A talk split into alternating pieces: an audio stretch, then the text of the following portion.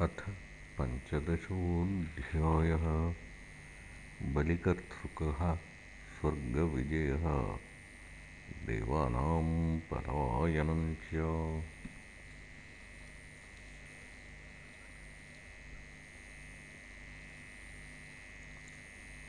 राजोवाच बलेः पदत्रयं भूमेः कस्माद्धरिरयाचत।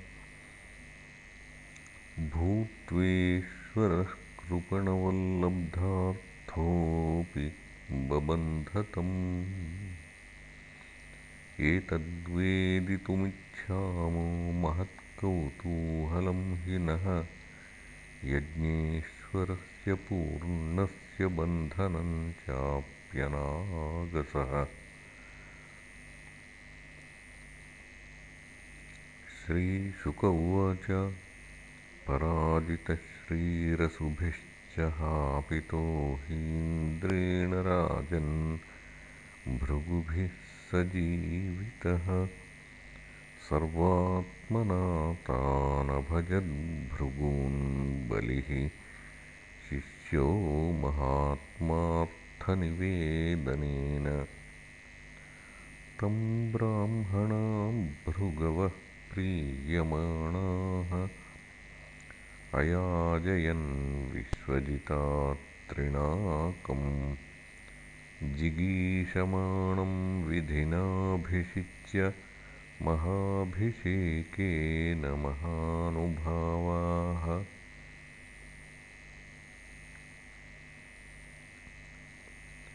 ततो रथः काञ्चनपट्टनद्धोहयाश्च हर्यश्व तुरङ्गवर्णाः ध्वजश्च सिंहेन विराजमानो। हुताशनादासहविर्भिरिष्टात् धनुश्च दिव्यं पुरटोपनद्धं तूणावरिक्तौ कवचं च दिव्यम्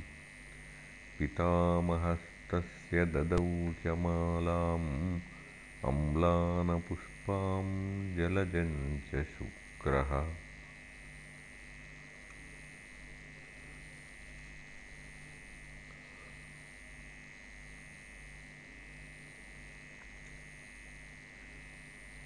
एवं स विप्रार्जितयोधनार्थः तैः कल्पितस्वस्त्ययनोऽथ विप्रान्। प्रदक्षिणीकृत्य कृतप्रणामः। प्रह्लादमामन्त्र्य नमश्चकार। अथारुह्य रथं दिव्यं भृगुदत्तं महारथः। सुस्रग्धरोधसन्नह्य धन्वी खड्गी धृतेषुधिः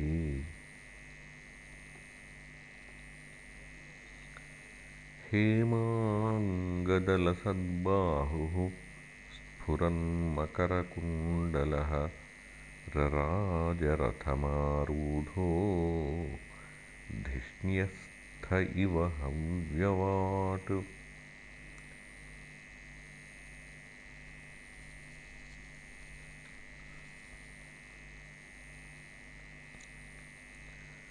तुल्यैश्वर्यबलश्रीभिः स्वयूथैर्दैत्ययूथपैः पिबद्भिरिव खं दृग्भिर्दहद्भिः परिधीनिव वृतो विकर्षन् महतीमासुरीं ध्वजिनीं विभुः ययाविन्द्रपुरीं स्वृद्धां कम्पयन्निव रोदसी रम्यामुपवनोद्यानैः श्रीमद्भिर्नन्दनादिभिः कूजद्विहङ्गमिथुनैर्गायन्मत्तमधूरतैः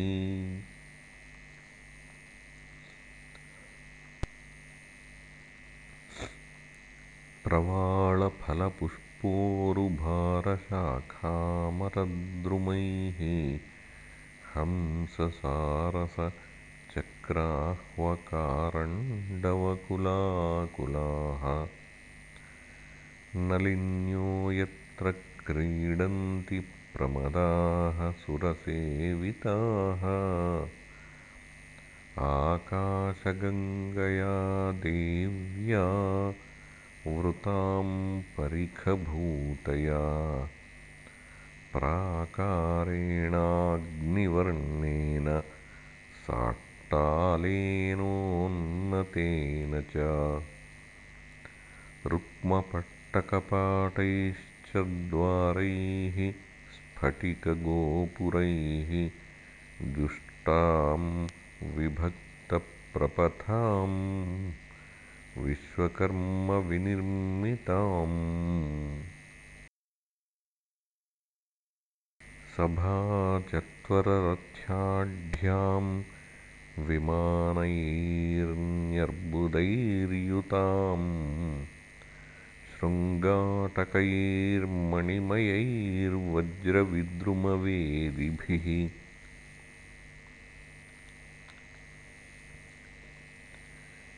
यत्र नित्यवयोरूपाः श्यामा विरजवाससः भ्राजन्ते रूपवन्नार्यो यर्चिर्भिरिव वह्नयः।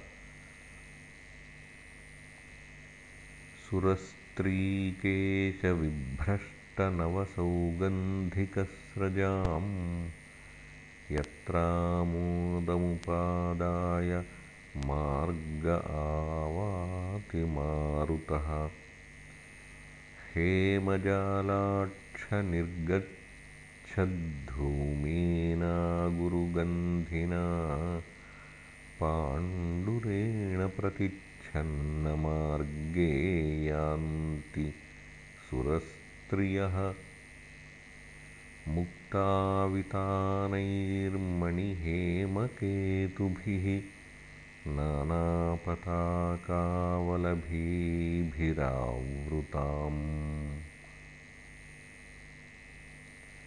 शिखण्डिपारावतभृङ्गनादितां वैमानिकस्त्रीकलगीतमङ्गलाम् मृदङ्गशङ्खानकदुन्दुभिस्वनैः सताळवीणामुरजर्ष्टिवेणुभिः नृत्यैः सवाद्यैरुपदेवगीतकैः मनोरमां स्वप्रभयादितप्रभाम् यां न व्रजन्त्यधर्मिष्ठाः खलाभूतद्रुहशठाः मानिनः कामिनो लुब्धाः एभिर्हीना व्रजन्ति यत्। तां देवधानीं सवरूथिनीपतिः बहिः समन्ताद्रुरुधे पृतन्यया आचार्यदत्तं जलजं महास्वनं। दध्मौ प्रयुञ्जन् भयमिन्द्रयोषिताम्। मघवान्तमभिप्रेत्य बलेः परममुद्यमम्। सर्वदेवगणोपेतो गुरुमेतदुवाचः भगवन्नुद्यमो भूयान् बलेर्नः पूर्ववैरिणः। अविशह्यमिमं मन्ये केनासीत्तेजसोर्जितः। नैनं कश्चित् कुतो वापि प्रतिव्योढुमधीश्वरः पिबन्निव मुखेनेदं लिहन्निव दिशो दश दहन्निव दिशो दृग्भिः संवर्ताग्निरिवोत्थितः। ब्रूहि कारणमेतस्य दुर्धर्षत्वस्य मद्रिपोः ओजःसहो बलं तेजो यत एतत्समुद्यमः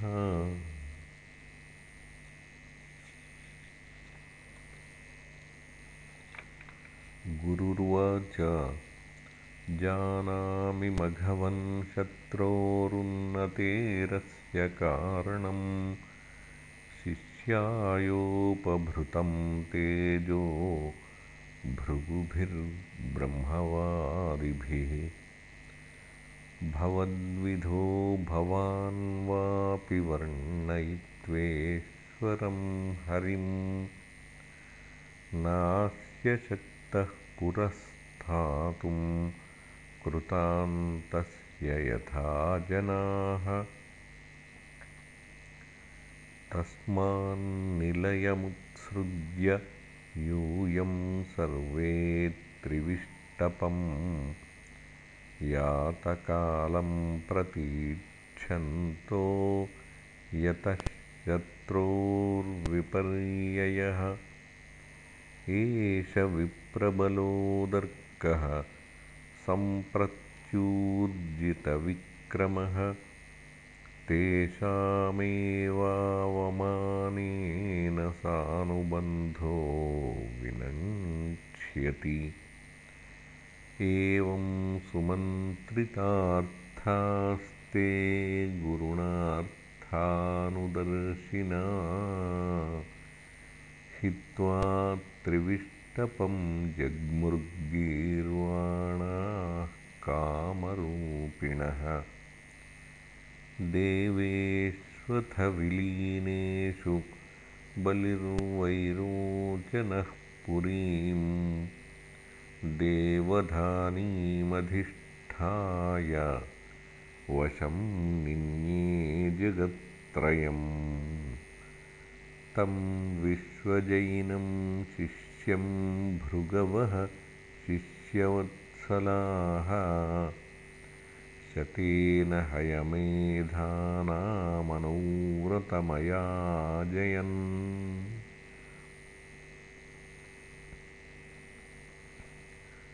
ततस्तदनुभावेन भुवनत्रयविश्रुतां कीर्तिं दिक्षु वितन्वानः सरेज उडुराडिव।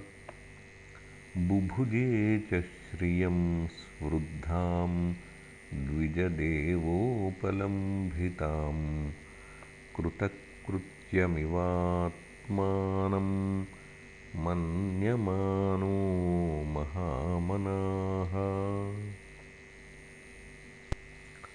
इति श्रीमद्भागवते महापुराणे पारमहंस्यां संहितायाम् अष्टमस्कन्धे पञ्चदशोऽध्यायः